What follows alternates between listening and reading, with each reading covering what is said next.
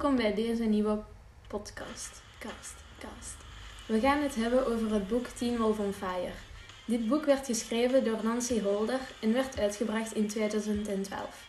Nadat dit boek werd uitgebracht, werd hier ook een serie over gemaakt, namelijk Teen Wolf. Het grootste verschil tussen beide is dat het in een andere volgorde wordt verteld. In de serie verloopt dit met meer structuur en is het minder chaotisch. Ook heeft het boek meer hoofdstukken dan dat de serie seizoenen heeft. Het genre van dit boek is fantasie. Fantasie is een apart genre binnen diverse media, kunst- en cultuurvormen, zoals films, televisie, literatuur, computerspellen, festivals, muziek en dergelijke. Het is een genre dat zich kenmerkt door de aanwezigheid van onwerkelijke gebeurtenissen, verzonnen wezens en imaginaire werelden. Enkele andere voorbeelden van fantasie zijn Harry Potter, Twilight en Vampire Diaries. Nu zullen we even de belangrijkste personages op een rijtje zetten. Scott is eerst een normale jongen die gebeten wordt door een weerwolf en er dan zelf in één verandert. Omdat hij zijn krachten versterkt door mensen te helpen en geen krachten steelt van andere weerwolven, wordt hij uiteindelijk een true alpha. Styles is de enige die als een normale tiener, dus zonder krachten, in Scott's pack overblijft. Aangezien hij niet sterk is, verdedigt hij zich met zijn intelligentie en zijn humoristische sarcasme. Lydia lijkt in het begin gewoon het populaire tienermeisje te zijn, maar niets is wat het lijkt. Want uiteindelijk komen ze erachter dat ze een banshee is. Een banshee is een wezen met speciale schreeuwkrachten. Ze kan het ook aanvoelen als er iemand zal sterven of al gestorven is. Lydia brengt het pak vaak naar de lichamen. Allison is een talentvolle jager. Omdat haar vrienden weerwolven zijn, jaagt ze niet op deze wezens, maar op de vijanden van de weerwolven, die ook wel bovennatuurlijke krachten hebben. Melia is een meisje dat lang vermist is gebleven totdat Scott en Styles haar terugvinden als een weercoyote.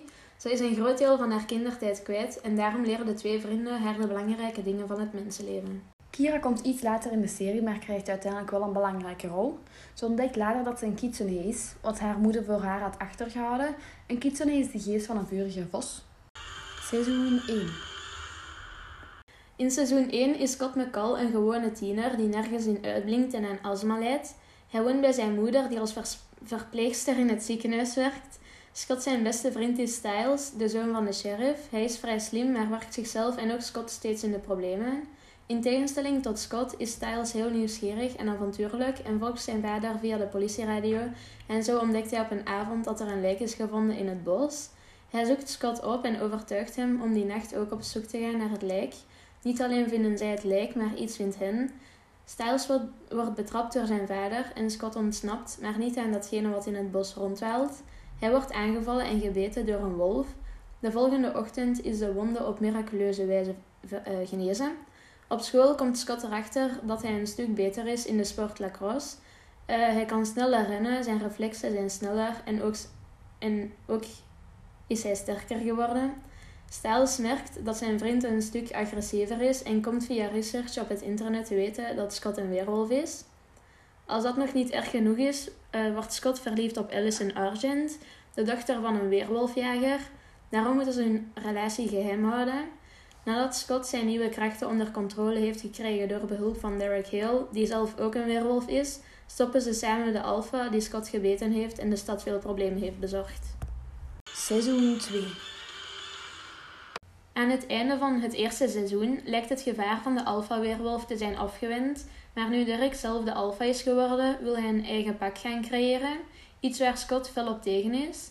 Derek verandert drie jonge tieners met hun toestemming in weerwolven, Isaac, een jongen die mishandeld wordt door zijn vader en zich eigenlijk altijd hulpeloos heeft gevoeld.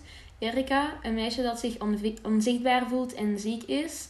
En Boyd, die ook een buitenbeentje is.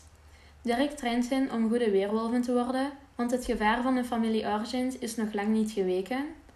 Ondertussen is er ook nog een reptielachtig wezen dat andere mensen vermoordt, genaamd de Kenema. Een Kenema is net als een weerwolf een vormveranderaar, een mens dat in een, een dier kan veranderen en bovennatuurlijke gaven heeft. Toch weet men niet zoveel over de Kenema. Scott heeft uiteindelijk zowel de hulp van Dirk als van de weerwolfjagers nodig om de Kenema onschadelijk te maken. Maar als ze erachter komen wie de Kenema is, blijkt dat toch niet zo eenvoudig te zijn. Seizoen 3 In het eerste deel van seizoen 3 komt er een groep weerwolven naar Beacon Hills op zich niet bijzonder speciaal, maar deze groep weerwolven bestaat enkel uit alfa-weerwolven. Een zeer ongebruikelijke groep, des te meer omdat de meesten hun eigen alfa en groep hebben vermoord om zelf een alfa te kunnen worden en om zich vervolgens aan te sluiten bij de alfa-pak die onder leiding staat van Dukelian, een blinde weerwolf, maar daardoor niet minder gevaarlijk. De overige leden van de pak zijn de tweeling Ethan en Aiden, Kali de enige vrouw en haar partner Ennis. Hun doel is om Derek te laten aansluiten bij hun pak. Dat zou betekenen dat hij zijn net gemaakte eigen pak moet doden, maar het einddoel van de Killian blijkt toch anders. Dat is niet het enige probleem waar Scott pak mee te dealen heeft, want er is nog een gevaar aangekomen in Beacon Hills, en de Rag, de zwarte een zwarte druïde die de Nemeton, een krachtbron onder een eeuwenoude druïdeboom, wil activeren om er kracht uit te putten.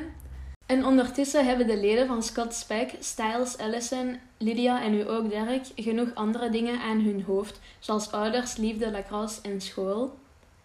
Het tweede deel van het derde seizoen gaat van de Keltische mythe naar de Japanse mythe.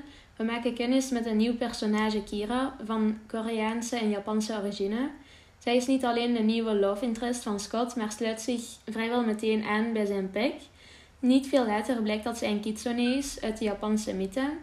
En er is nog een nieuw probleem opgedoken nadat Scott, Styles en Allison in een soort schijndood zijn geweest om de locatie van de Nemeton terug te vinden, een heilige ontmoetingsplaats.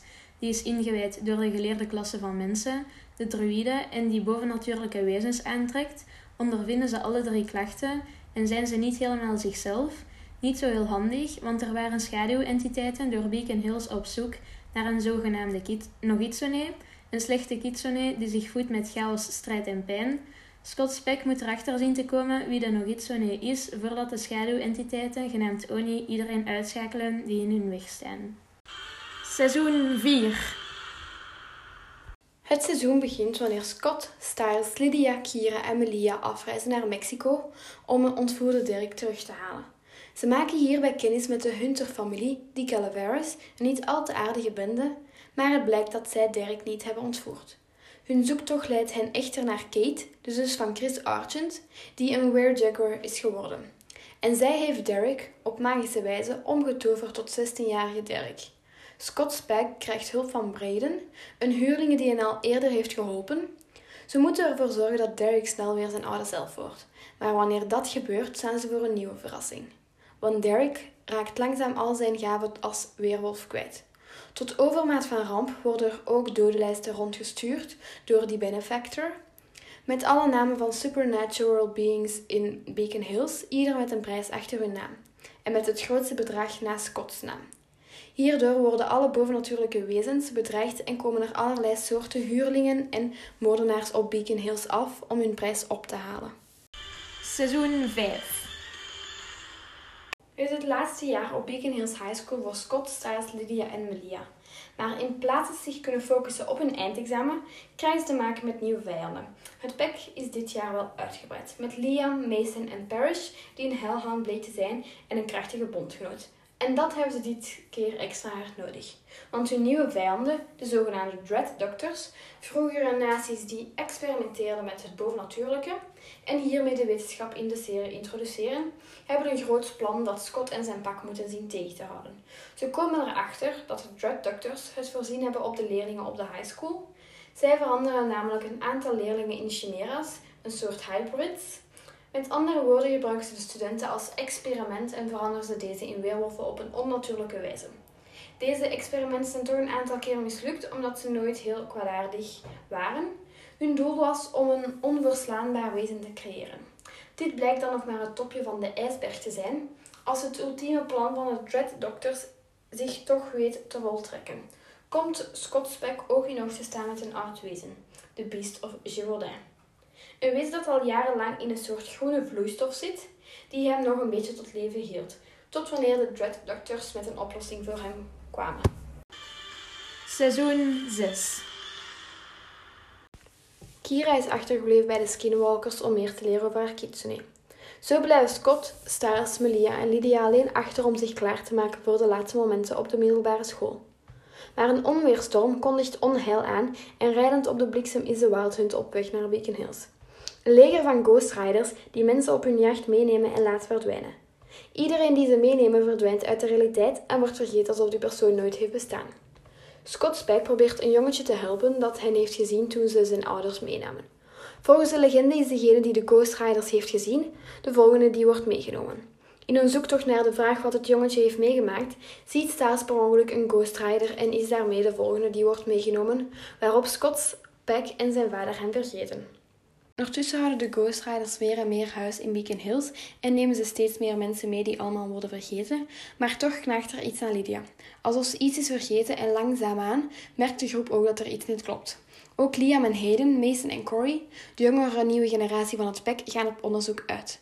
Chris Argent, die een wolf op het spoor is dat vele slachtoffers maakt, keert terug naar Beacon Hills. In zijn jacht wordt hij bijgestaan door Melissa, de moeder van Scott.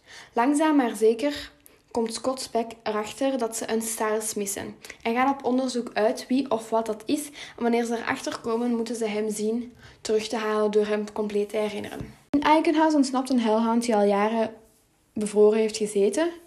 En Scott en Liam ontdekken allemaal dode wolven in het bos. De hellhound is vrijgekomen om op, om op een wezen te jagen dat zo gevaarlijk is dat hij zijn leven eraan heeft gewijd.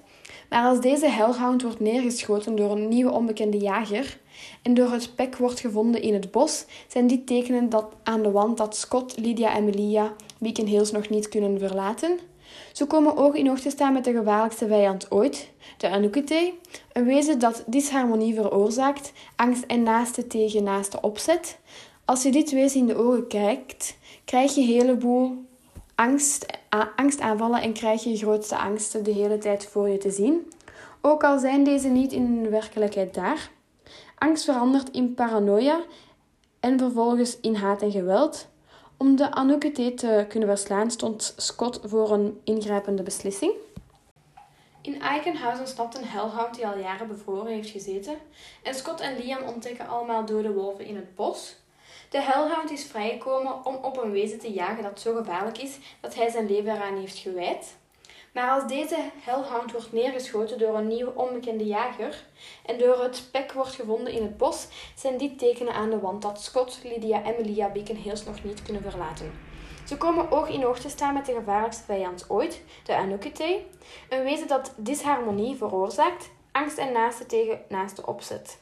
Als je dit wezen in de ogen kijkt, krijg je een heleboel angstaanvallen en krijg je je grootste angsten de hele tijd voor je te zien, ook al zijn deze in de werkelijkheid niet daar. Het klinkt nu heel ingewikkeld en chaotisch, maar eens dat je mee bent in het verhaal, zul je merken dat alles op zijn plaats valt. Bedankt om te luisteren naar deze podcast. Cast, cast. Angst verandert in paranoia en vervolgens in haat en geweld. Om de Anukite te kunnen verslaan stond Scott voor een ingrijpende beslissing.